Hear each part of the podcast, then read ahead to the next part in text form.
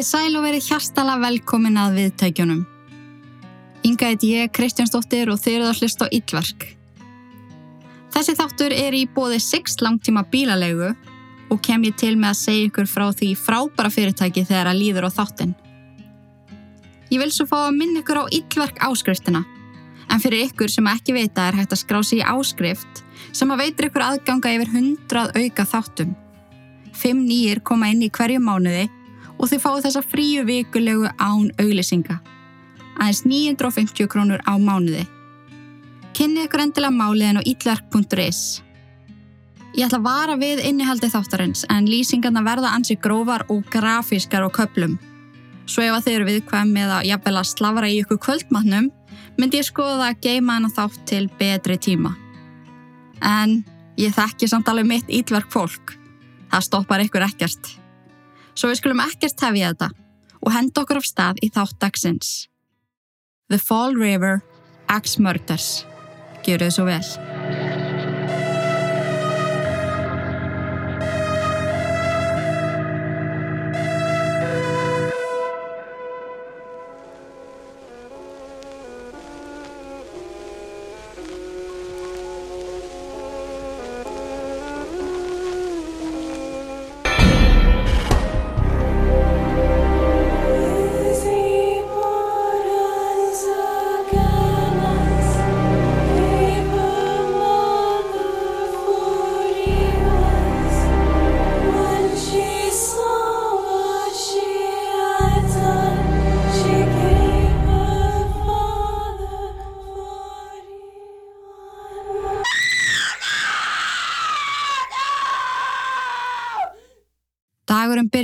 Ósköp venjulega á Bortenheimilinu þann 4. ágúst ára 1892.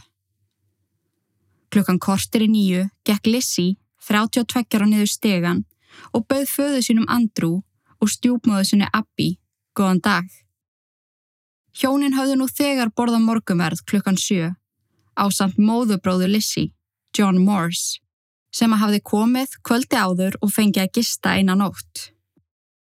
Andrew satt inn í betristofu og fletti í gegnum dagblað.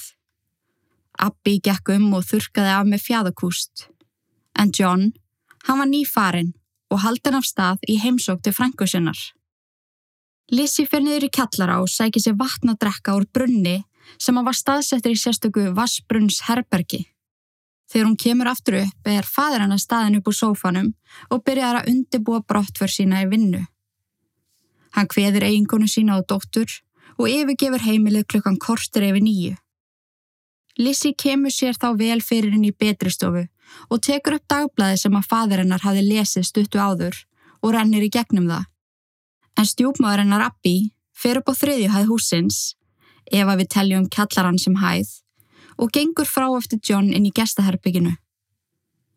Hún tekur á rúminu, setur á það hrein rúmfött þurkar af og laga gardirinnar sem að John hafi dreyið fyrir gluggan.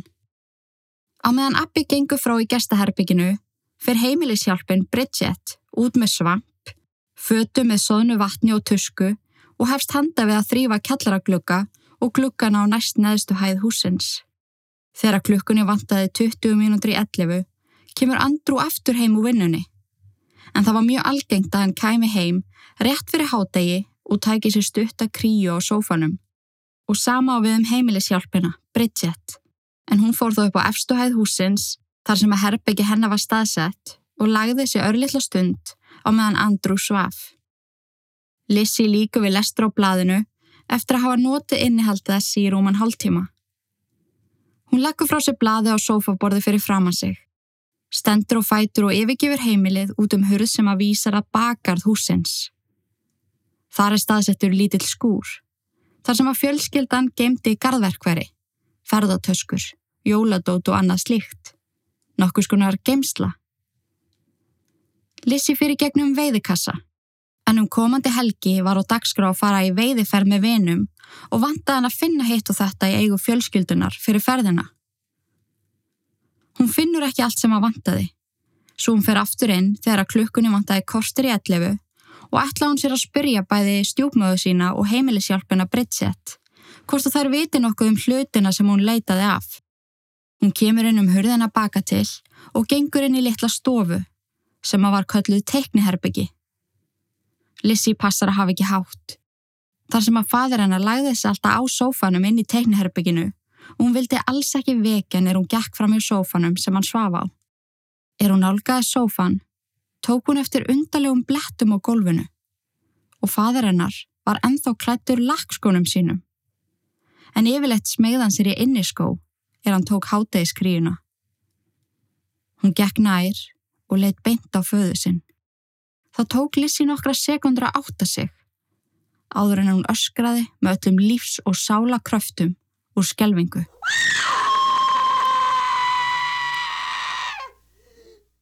Lissi kallar á heimilishjálpina Bridget eins hátt og hún getur.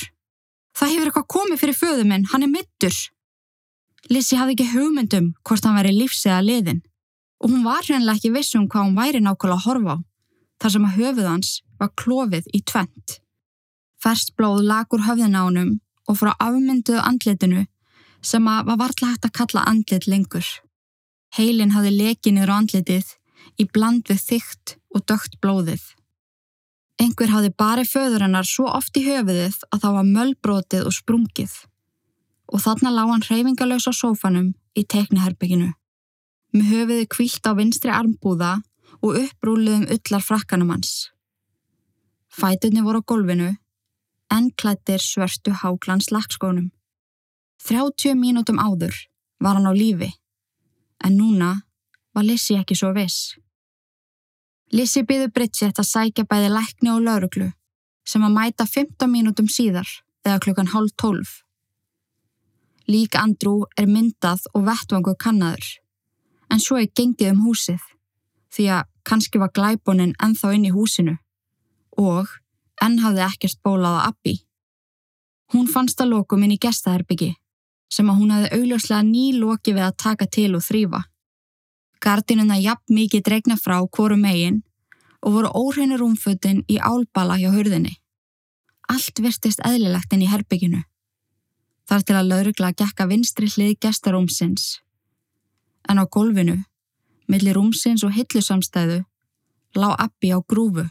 Líkamstæðana var verulega sérstök. Rassin upp í loft, hendur niður með síðum og andlitið í gólfinu. Í kringum hana var mikið magna blóði, bæði á gólfi, veggjum og á hreinu kvítur umfötunum. Áður en laurugla snýrinni við og lagði Abbi á bakið var undarlega líkamstaða mynduð. En andlitennar vakt upp mikla skjelvingu lauruglu sem að tók andköf. Höfuðu hennar var líka nær klófið í tvent. Aftan á höfðinu var djúpur skurður og var andlitennar algjörlega afmyndað. En það virtist þeim svo að Abbi hæði verið hokkin á milli augnana, svo húð og höfukúpa sprungu í sundur eins og melóna. Með því fyrsta sem að laurugla tók eftir á glæpavettvang var að blóð Abbi var þortnað, en blóð Andrú lag enn ferst úr höfðið hans. Það þýtti að Abbi hafi verið látin mun lengur, en fyrstum sinn var ættum rúmar 90 mínútur á milli andláta. Það áttu þó eftir að koma fram alls konar kenningar, til dæmis þegar að koma hitasti í herbyggjana. Það kom fesku gusturinn um glukka gestaherbyggisins á þriðjuhæðinni, þar sem að lík Abbi var. En niðri í tekniherbyggi var þingra loft. Það getur auðvitað átt hlutið í hversu hratt blóð storknar. En það var þá endanum talið að það hafi að minnstakosti verið 30 mínútur á milli og í mestalagi 90 mínútur. Með þannan tímarama í huga og þau sönnunagögg sem að lágu fyrir var lítill tími fyrir myndan morðingja. Það sem að vakti einni aðtegli var að engu var raskað. Það var ekkert fjarlægt að heimilinu. Engin merkjum átök og það mikilvægast að þótti var að hvergi var brotist inn. En hurðir heimilisins voru ávall læstar. Nefn auðvitað hurðin baka til sem að Lissi hafði skilið eftir ólæsta á meðan hún leita að veiðbúnaði í skúrnum. Einu manneskjöldnar sem að voru inn í húsinu á meðan morðin áttu sér stað voru Andrew sem var sofandi, Abbi sem að gekk frá í gestaherbygginu og Bridget, heimilisaðstöðun sem að svaf einnig. En hver myndi gera svona lagað? Og hvers konar morðingi myndi láta slikan tíma líða á milli. Þessi tildægna staðrind gerði lauruglu nokkuð vissa um að morðin hafi ekki verið framinn af ókunnum einstakling. Þetta hlaut að vera manneskja sem það þekkti til. Vissi að hurðin baka til gæti verið opinn. Vissi að Andrú væri heima í hátægislúr. Þekkti Abbi sem að gerði það að verkum að hún barðist ekki við árásamannin. Sakir beintust að heimilisfólkinu. Gat verið að tímalína John, bróðir Söru heitinar, hafi verið raung. Var Bridget alls ekki sofandi? Og fóru Lissi kannski aldrei út í skúr? Ég haldi að að kynna okkur borten fjölskylduna. Því saga þeirra varpa ljósi á áhugaverðar upplýsingar sem að getur veltalist kvati til þess að myrða.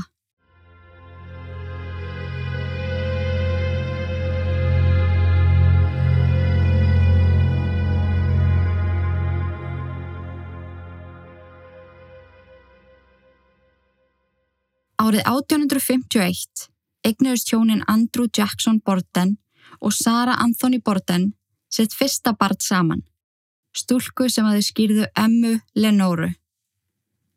Nýja árum setna eignuðist þau aðra dóttur sem að þau skýrðu Lisbeth Andrew, en hún kom í heiminn það 19. júli og áttu hún alltaf eftir að vera köllu Lissy.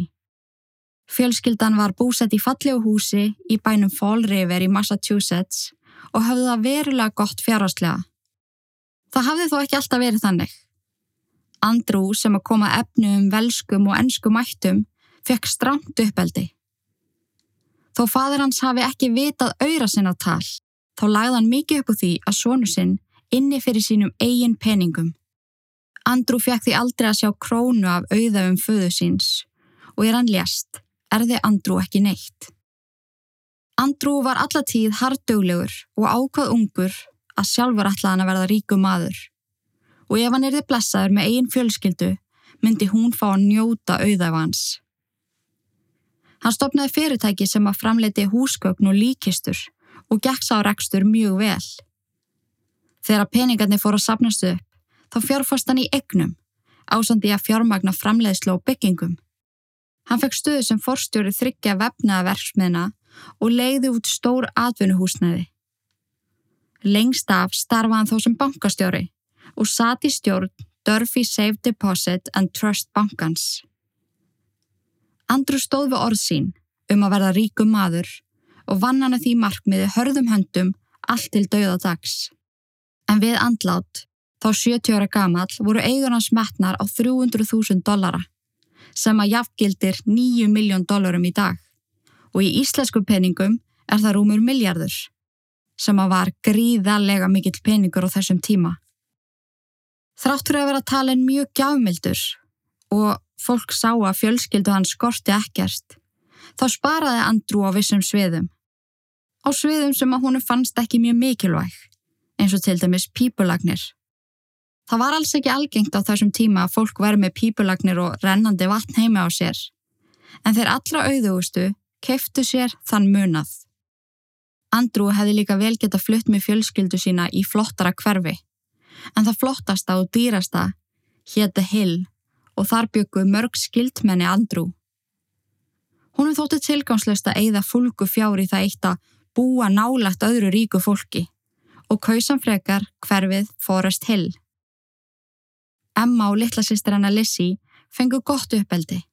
Þeim skorti ekkert en voru þá ávalt myndar á mikilvægi þess að vera þakkláttu fyrir það sem maður hafði.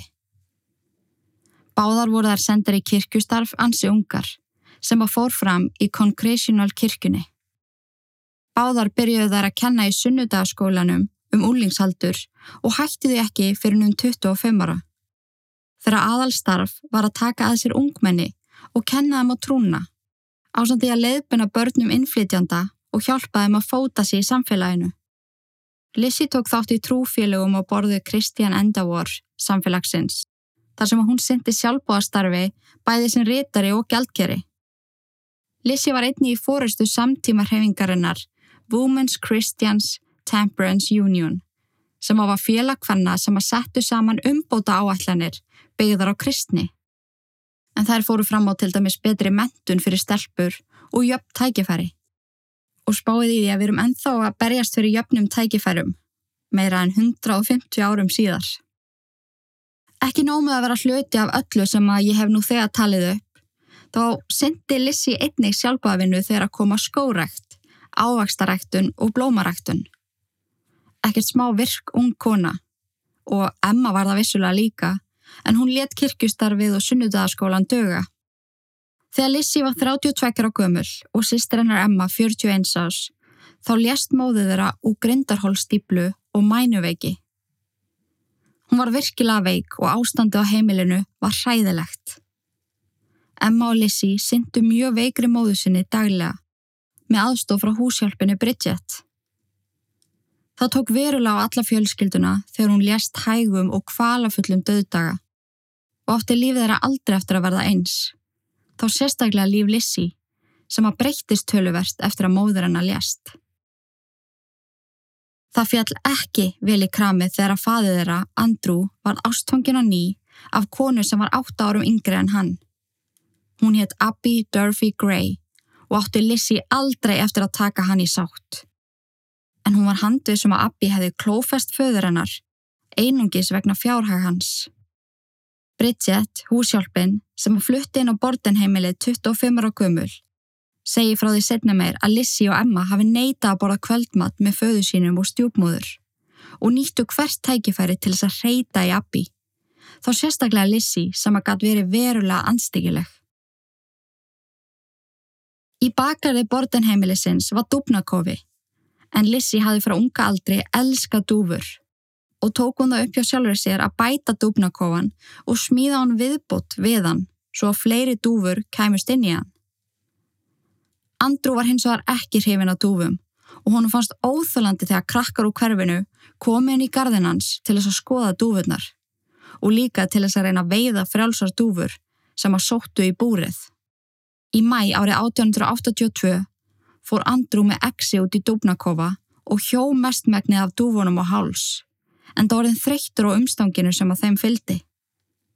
Lissi var meðu sín og reyfst heftalega við föðu sinn.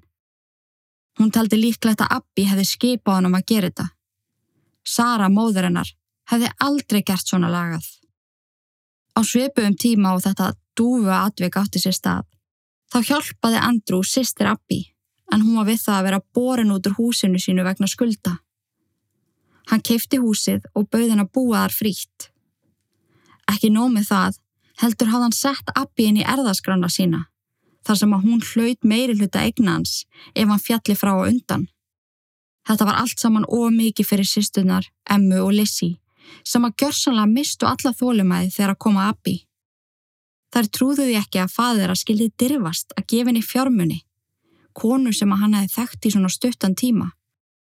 Sýsturnar voru í svo miklu uppnámi og inn á heimilinu var reyfist svo mikið á hverjum degi að þær ákveða að fara saman í ferðalag til New Bedford. Þar leta þær sauma á sig kjóla og gerðu velvisi í mat og drikk. Allt með fjármunum sem að faður hafði skaffað þeim. Lissi var enþá svo reið eftir að ferðalæginu laug að hún dvaldi á hóteli í fjóra daga í fólrefer áður en hún snýri aftur heim. Ástandi batnaði ekki á heimilinu og það heldu áfram að vera háfaða reyfrildi eftir að sýstuna komist á því að faðura hefði gefið fjölskyldumæðlum um Abbi, fjármunni og eignir. Andrú reynda róa dætu sínar með því að bjóða þeim að kaupa heimilið á 1 dollara og selja sér það svo aftur. En Andrú kunni ítla við að rétt út peninga og vildi freka hjálpa fólki með eignum og verðbreyfum. Sýstuna kefti húsið á 1 bandaríkjadal og kefti Andrú það svo aftur á 5.000 dollara sem að jafngildir 18 miljónir í dag sem að þær máttu skipta á milli sín. En 18 miljónir á þessum tíma var ekkert eðlilega mikill peningur og langt yfir verðið sem að ókunnugur hefði borga fyrir húsið. Við skulum líka taka það inn í dæmi að Andrú hjælt dætru sínum algjörlega uppi sem voru þarna 30 og 40 ára. Kostum það voru fött, ferðalög eða skemtanir. Ég veldi ég fyrir mig hvort hann hafi skilið föðu sinn heitin betur á þessum tímapunkti. Af hverju hann ólan upp eins og hann gerði? Því að án þess að ég skafi af því, þá ól Andrú upp tvær forréttinda frekjudollur. Þann 3. ágúst árið 1892 kom John Morse í heimsókn, en hann var bróðir Söru heitinar og ætlaði hann sér að ræða viðskiptu við másinn, ásandi að borða með fjölskyldunni kvöldverð og heimsækja svo fleiri ættinga daginn eftir. Abby og Bridget gerðu gestaherbyggi tilbúið fyrir John og báru í hann veitingar og drekki. Dæin áður hafði Emma farið í ferðalag til vinkunni sinnar sem að starfaði sem klæðskeri og hún ætlaði að sauma fyrir Emmu nýjan kvarstagskjól, svo að Emma hitti því ekki í móðubróðu sinn. En Lissy, hún hljó beint í fangið á honum og bauð hann velkomin. Enda þótt henni verulega vendum hann og fannst vinalegt að horfa fram henni mann sem að líktist móður hennar og elskaði hana jafn heitt og hún hafi gerst. John fer svo upp í gestaherbyggja að sofa um tíu og klukkan halv ellefu datt allt í dúna lokn. Allir á bortin heimilinu voru sopnaðir.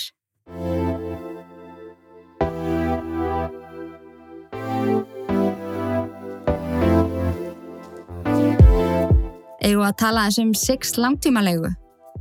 Ég gæti ekki verið ánæðara með þetta ótrúlega skemmtilega samstarf. Með aldrinum þó kann maður alltaf betur og betur að meta góða þjónustu. Það veitir mér svo mikla gleði að lappa henni í vestlun og fá hlýtti viðmót og finna raunverulega laungun frá starfsfólki til þess að aðstofa mig. Og það er eitthvað sem að þú upplifir svo innilega hjá Six langtíma leigu. Þeir vilja raunverulega að þú fái besta dílinn og bílinn sem að henda þínum þörfum. Ok, þetta rýmaði óvart. Hafið þið tekið eftir hvað ég stanslist að rýma óvart í þáttunum? Ég er að segja ykkur það. Guð er að segja mér að vera rappari og láta þannig gamla draum rætast. Nei, nei. En mér langaði að nýta tækifæri í þessum þætti og segja ykkur söguna á bakvið 6 langtímalegu. Ég elska þegar maður getur lesið um sögu fyrirtækja á heimasíðunni. Mér finnst það svo persónlegt og skemmtilegt eitthvað. En Sixt er alþjóðlegt fyrirtæki sem var stopnað árið 1912 af Martin Sixt sem var ekkert eðlilega myndalegu maður. Spraltilega að taka það fram. Á fyrstu árum fyrirtækisins var flotið þess reglulega gerður upptækur af þýska hernum en náði sér ávalt aftur á stryk eftir stríð. Það má því segja að þraut segja, þróun og fjölskylda séu helstu gildi Sixt í dag. En félagið er enþá í eigu Sixt fjölskyldunar sem að rekur bílalegur í yfir hundra löndum út um allan heim. Á Íslandi er bílalegum Berg leifisafi fyrir Sixt vörumerkið og hefur verið það síðan 1. apríl árið 2009. Og það sem að mér þykir svo fallegt er að Sixt hefur alltaf haldið í gildin sín sem er þrautsegja, fjölskylda og þróun. Markmið er alltaf fyrst og fremst að hugsa vel um viðskiptavinni og skapa fyrir þá jákvæða upplifun af fyrirtækinu. Ægir mig þykir eitthvað ótrúlega vendum þetta og ekki skemmir hversu ótrúlega þægilegt það er að vera á bílfræðum og þurfa ekki að spá í viðhaldi, þjónustu skoðunum eða dekkaskiptum. Það eina sem að þú þarfst að gera er að vera kjút á róndunum og fylla kakkan af elsniti. Jú, eða hlaðan. Ég hvet okkur eindreið til þess að skoða möguleikanin á 6 langtímalegu og kannski finnir þú draumabílinn á ótrúlega góðum kjörum. Ykkur er líka alltaf velkomið að heyri mér og ég gerir mitt allra besta við að fræði ykkur og aðstóða. 6 langtímalega. Fyrirtæki með langa sögu og stórt hjarta. Takk og bless. Velkomin tilbaka. Nú erum við komin aftur að morgunum Örlaríka. 4. ágúst árið 1892. En núna ætla ég að segja ykkur frá morgunum með skráðum staðrendum en ekki með sögublúndum frá þeim sem að voru viðstatir. Klukkan sjö morgunin þá borða Abby, Andrew og John morgumatt. Eftir matinn setjast þeir John og Andrew inn í betristofu og spjalla saman í rúman klukkutíma. Áður en John yfirgefur heimilið með hestvagni klukkan 8.48. En hann ætlaði sér að heimsækja frængu sína og koma svo aftur upp úr hádegi og borða með bordenfjölskyldunni hádegismat. John segist hafa deilt hestvagni með sex prestum sem hann þekkti. Maðurinn sem að stýrði hestvagninum man eftir prestunum sex en að man ekki eftir John. Það eina sem að staðfesti að hann hafi raunverulega farið í þessa ferð var að frængan staðfesti að hann hefði komið um hátegi spil. En margir haldaði fram að John hafi eitthvað með dauða þeirra Andrew og Abby að gera. Það er ekkert mála að fá ættingja. sem að elskar þig til að ljúa fyrir þig. Þá sérstaklega þegar þú getur búið háa fjárhæði í staðin, en John var mjög auðugum maður. Það þótti líka mjög grunnselegt að aukumæðurinn hafi ekki munað eftir honum, en samt myndan eftir prestunum 6. Það hafði alltaf verið í verkaring annarkort Lissi eða Emmu að þrýfa gestaherbyggið eftir nótkun. Lissi var heima og hefði vel geta gert það, en samt fyrir Abbi upp og geri það. Á meðan fyrir Andrú í morgungönguna sína, hann fyrir ekki beint í vinnuna. En fólki í hverfinu man eftir því að hafa séðan og hilsaðanum en þetta gerði hann alla morgna áður en hann fór að vinna í bankanum sem var örstuttan spöl frá heimilegans. Samkvæmt krupningu og glæpavettvang var talið að Abbi hafi verið drepin á milli nýju og hálf ellu um morgunin. Það er einni talið að hún hafi snúið að morðingjanum er hann reðst á hana. Morðvapnið er talið hafi verið exi og hlaut Abbi fyrsta höggið beint í ennið sama hefur ekki endilega drepið hana, en hún hefur á öllum líkindum hrunið í gólfið. En það er talið að hún hafi reynd að leita skjóls undir rúminu og þess vegna fannst hún í þessari undalegu stellingu, eiginlega á grúfu á melli rúmsins og koffortsins. Það var síðan hokkið 19 sinnum til viðbótar í nakkan, svo að höfuðið klopnaði tvent. Það sem að renni stóðum undir þá kenningu að Abbi hafi þekkt morðingjan og að þetta hafi verið personulegt er þetta svo kallaða overkill. Á 19. höggi þá veistu alveg að manneskjan er lungu dáin. En reyðin er bara svo mikil að þú getur ekki stoppað. En svona overkill sést oft þegar að til dæmis fjölskyttu meðlumir eða hjón myrða hvort annað.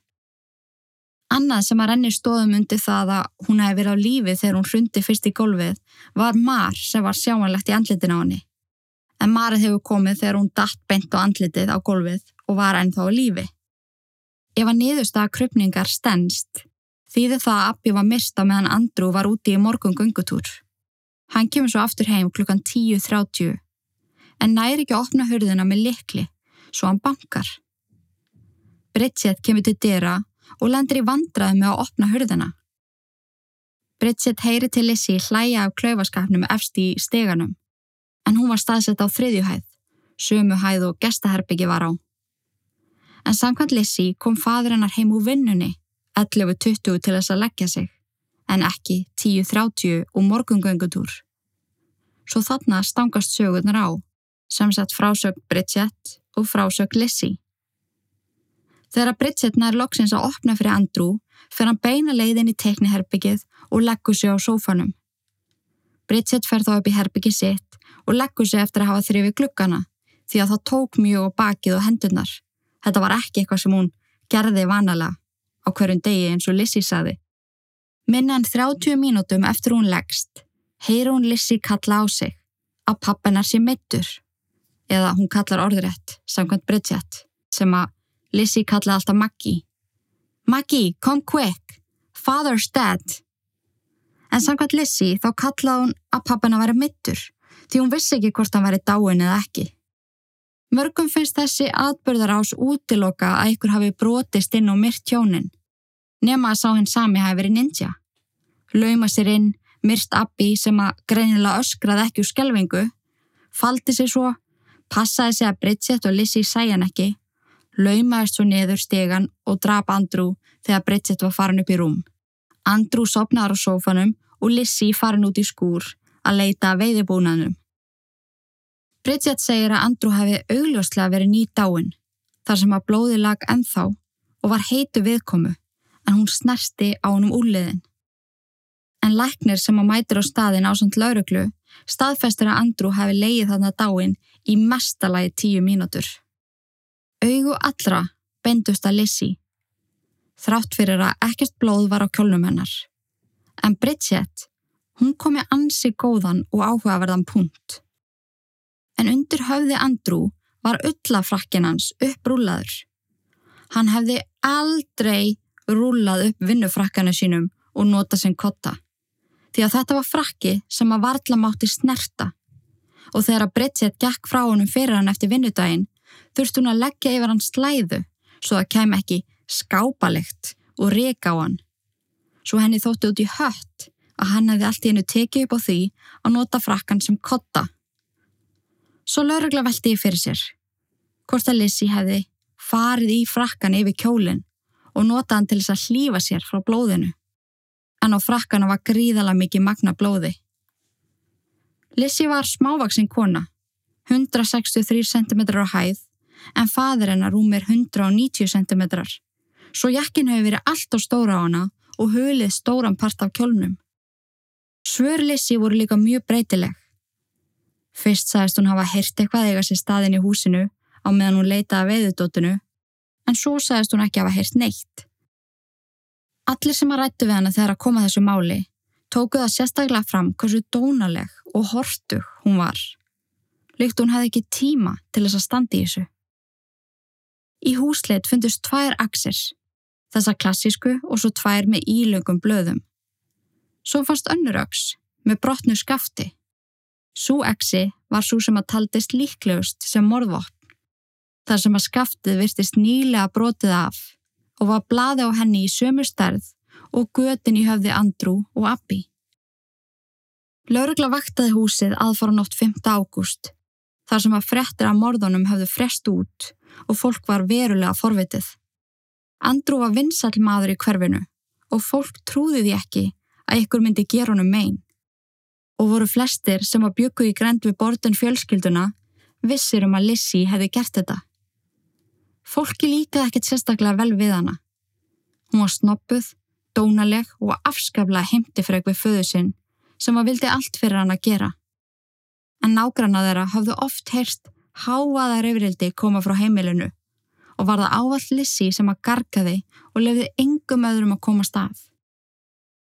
Morgunin eftir kom æskuvinkuna þeirra Lissi og Emmu í heimsókn en hún hafði heyrst af hryllingnum og vildi aðtúa með vinkonu sína en Emma var enþá hjá klæðskera vinkonu sinni.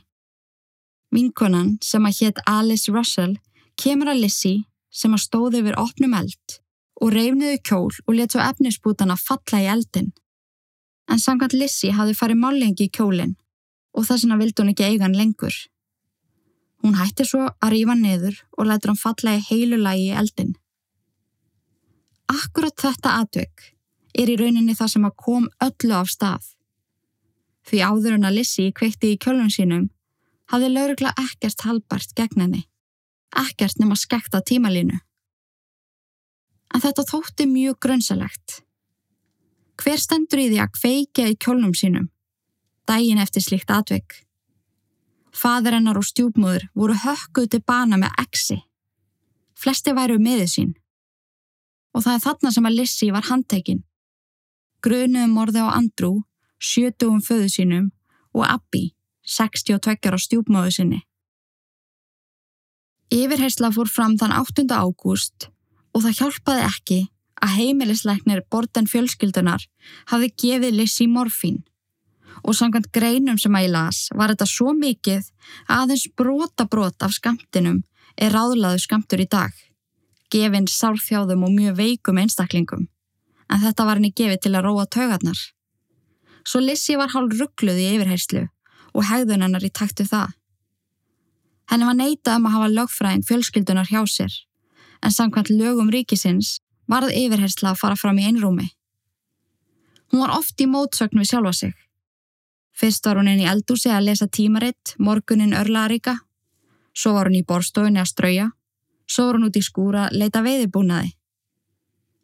Hún saðist líka hafa tekið á móti föðu sínum er hann kom heim og hjálpa honum úr svörtu lakskonum og klætt hann í inniskó. En það er ansi augljóst á myndum sem að laurugla tók á vettvang að Andrú var enþá klættur svörtu lakskonum. Þann 11. ágúst var hann í stungið í steinin og þar átt hann að dvelja uns í réttahöldanar hófust. En rannsók málsins hjælt áfram og þegar að rættu af við fjölskyldumellimi, bæði Andrú megin og Abbi megin, þá kom í ljós hinnar ymsu hliðar á Lissi. Það kom upp á yfirborða að hún hafði aldrei þólað Abbi hún hafði allatíð saka hann um að nota föðu sinn fyrir peninga. Dúfu atvikið kom upp á yfirborðið. Hún hefði verið í svo miklu uppnámi þegar að fadurinn að hjó dúfuðnar á háls að hún þurfti að fara frá heimilinu svo hún gerði ekki eitthvað eða segði ekki eitthvað sem hún sæi eftir. Og ekki nómið það. Dægin áður en Abbi og Andrew voru tekin af lífi reyndi Lissi að kaupa síru á apotekara. En þessa síru mátti alls ekki selja hinn um almenna borgara. Lissi sagðist ætla að þrýfa loðpelsana sína með sírunni sem að átt að vera aðferð sem að móðurinnar hafði kentinni. Viku áður en morðun áttu sér stað urðu Abbi og Andrew alveg ótrúlega veik og lágu fyrir sár þjáð. En grunu leka á að Lissi hafi reynda eitra fyrir þeim en ekki haft aðganga nægilega sterkum efnum. Hún hafi svo gefist upp á þriðja degi veikinda þeirra. Réttahöldin yfir Lisbeth Andrew Borden hófust hann 5. júni árið 1893 en þá hafði hún setið í rúma nýju mánuði í fangelsi. Láfræðingu Lissi snýri sér að kviðdum og sagði Það er ekkert staðfæst morðvopn. Það eru engin blóðu klæði. Það er ekkert sem að sanna það að Lissi hafi gert þetta. Hún er smágerð. Hvernig geti smágerð kona eins og hún klófið höfukúpu í tvent? En það var the way, setna gerðar ansók þar sem að kona sem var nákvæmlega jafn þung og há og Lissi með þess að jafn gömul var látið berja með exi í höfið á líkunum af Andrew og Abby og það var ekkert mál fyrir hana.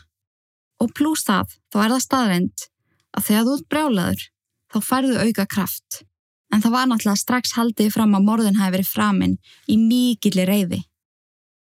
Svo var líka eitt áhugavert sem að þurfti sérstaklega að leiði þetta í réttasall. Svo litil miskilningur. En fari hafði á kreik vísaði morðin á hjónunum sem að hljómaði svona. Lizzie Borden took an axe and gave her mother 40 whacks. When she saw what she's done, she gave her father 41. En staðrindin er svo að Abbi var hokkinn 20 sinnum en Andrew 10 eða 11 sinnum. En þessi vísa var grípandi og það mátti heyra krakka út að leika sér og raula þessa vísu. Fólk virkilega trúði því að hún var byggð á sannleika og það þurfti sérstaklega að taka fram í réttahaldunum að hviðdómur yrði að hreinsa þessa vísu úr huga sínum svo hún myndi ekki leta skoðum þeirra. Ríkisaksóknari í málinu sagði Lissi hafði kvata. Hún er uppfull af hatri og ber ekki virðingu fyrir neinum. Sögurinnar eru mismunandi. Hún reyndi að kaupa eitur, brendi kjólusinn og hún bað húsjálpuna Bridget að segja lækni áður en hún bað hann um að segja lauruglu. Lissi þóldi ekki stjúpmöðu sína og hún hataði föðu sinn fyrir að elska Abbi. Hún var á heimilinu þegar þau bæðið dóu. Hvernig gæti það farið fram hjá henni? Að innbrótsjóður og morðingi hafi komið inn og framið henn að verknað. Það er óhugsandi. Saksóknari notaði höfukúpur hjónana sem sönnunagögn í máli sínu. En á þeim báðum voru risastór gött. Þegar að Lissi sá höfukúpunar, þá leiði yfir hana. Það tók viðdóm eina og halva klökkustund að ákveða örlög Lissi. En hún var síknuð af morðunum og gekk út úr réttasal sem frjáls kona. Er hún gekk út úr dómshúsinu, kalla hún yfir hóp frettafólks. Ég er hamingisamasta kona í heimi. Margir klöppuðu fyrir henni, en margir öskruðu morðingi. Stuðningsmennenar og þeir sem að töldana hafa gert þetta skiptust eiginlega í helminga og þrátt fyrir að hafa verið síknuð var hún einhvern veginn ennþá grunuð um morðið á Abbi og Andrew. En svo eru það sögursagninnar sem að fóra af stað. En ennþá til dagsins í dag er fólk að velta þessu fyrir sér. Og eru borten morðin ennþá með þeim frægustu sem að hafa átt sér stað í bandaríkjónum. En margir telja að Lissi hafi verið samkynneigð því aldrei á hennar lífsleið var hún við kallmann kent. Mögulega hafi þar Lissi og húsjálfin Bridget átt í ástasambandi og Abbi hafi komið að þeim vera skæra. Nei, nei, ég segi svona, komið að þeim í ástalótum og fylst viðbjóði. Lissi hafi þá grepið þungan kertastjaka og barið hana ítrekkað í höfuðið. Hún hafi svo ekki séð aðra leið en að myrða föðu sinn líka. En sjónavattar segjast hafa séð Bridget í skjólinætur ganga frá heimilinu með lítinn póka. Kanski var morðvopnið í pókanum og mögulega blóðu klæði frá Lissi. Margir halda að Bridget viti nákvæmlega hvað kom fyrir. Og þótt þetta með sambandið sé ekkit endilega satt, þá var hún mjög hliðhótt Lissi. Hún hlýtur að hafa hjálpað henni að fjela slóð sína, logi fyrir hana og varið hana. En um leið og réttahöldin voru yfir staðin, þá flutti Bridget aftur heim til Kanada og hitti Lissi aldrei framar. En það hafa líka verið getgátur með frendan, John Morse, sem að gisti á heimilinu nóttina áður en að dátti sér stað. Hann hafði aldrei komið og gist aðna áður og sagt er að hann sjálfur hafi aldrei verið neitt sérstaklega hrifina Abbi sem að þóttist geta tekið stað sýstu sinnar eins og ekkert væri. Húnu fannst hann eiga rétt á hluta auðafa Andrew og fekk hann Lissi í lið með sér. Því ef að bæði Abbi og Andrew létust fengjur sýstunar allt sem að þau áttu. Samningurum var að hann myndi myrða hjónin og sýstuna myndi svo láta hann fá hluta af peningunum. Það var líka sanna að hann fór líkast aldrei með hestvagni, með prestunum sex eins og hann held alltaf fram. En frænka hans var svo sem að staðfesti að hann hafi komið til hennar upp úr hádegi þann 4. ágúst. En eins og við töluðum með máðan, það er alltaf eitt að múta og hvað þá með réttri fjárhæð. En til dagsins í dag þá veit enginn hver misti Abbi og Andrew Borden. Og mun þetta öllum líkindum halda áfram að vera einn stærsta morðar áðgáta bandarækjana. Emma og Lissi fengu greitt út auða við föðu síns og keftu sér risastort hús í fólureyver hverfinu. Ekkert það langt frá æskuheimiliðara. Þar voru með þjóna og þernur og alltaf klettar nýjustu tísku. Lissi lést hann 1. júni árið 1927 aðeins 66 ára gömul úr lúnabolgu og nýju dögum setna lést Emma úr nýrnabolgu 76 ára gömul og allt sem á þær vissu fóð með þeim í gröfina.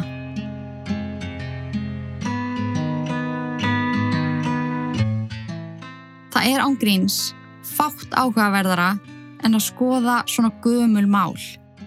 Ég hef svo ótrúlega gaman að talsmátanum á þessum tíma hvernig fötin voru, húsin og það er bara svo gaman að skoða allt sem að kemur að þessu nema kannski glæpa vettvangsmyndirnar eða, jú, það er samtalið frekar áhugavert. Ég veit ekki hvort að Instagram mun leifa mér að deila þessu með ykkur. Þau eru alltaf að minna mig á að ég sé að bróta ykkur að reglur. En þið getið þá googlað myndirnar. En áhugavert nokk eitthvað sem að ég fattaði á meðan ég var að skrifa handriti af þessum þætti þá er maður sem að ég ætla að tala um í april áskriftinni sem að var svo heldtekinn af Lizzie Borden að hann vildi verða nákvæmlega eins og hún. En hann trúði því að hún hafi myrst Abbi og Andrew og hún er langað alveg mega mikið að drepa á nákvæmlega sama máta með exi. Svo það er alveg óvart tengingan á milli. Þannig að kíkja endilega áskriftarleðina inn á itlar.is og skráðu ykkur ef ykkur langar að heyra þann tátt og líka bara ef ykkur þyrstir í meira true crime. En annars segi ég bara þúsund takki fyrir að hlusta. Takk fyrir að vera til og í guðana bænum forðist öll ítverk nema þetta podcast. Veriði sæl. Haugur, take it away. Bættu sjöfið og þú dottir eftir lukkur. Sýta sáli sem í djúpa hafi sökkur. Gangin lífi eins og flugur inn í krukku meðan 666 andast uppu. Bættu sjöfið og þú dottir eftir lukkur. Sýta sáli sem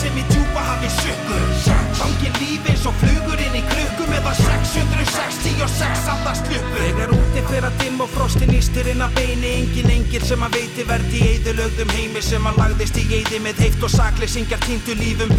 Verkin ítlu sem að fólki sá í sínu sínum Hversu margir hræðast drauga?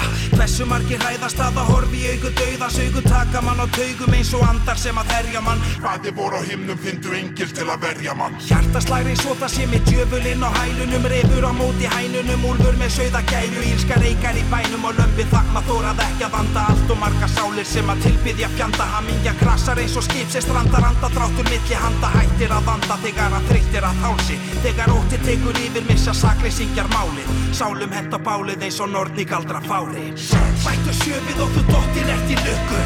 Hýta sáli sem í djúpa hafi sökku Gangi lífi eins og flugur inn í krukku Meða 666 andast mjöpu Bættu sjöfið og þú dóttir eftir lukku.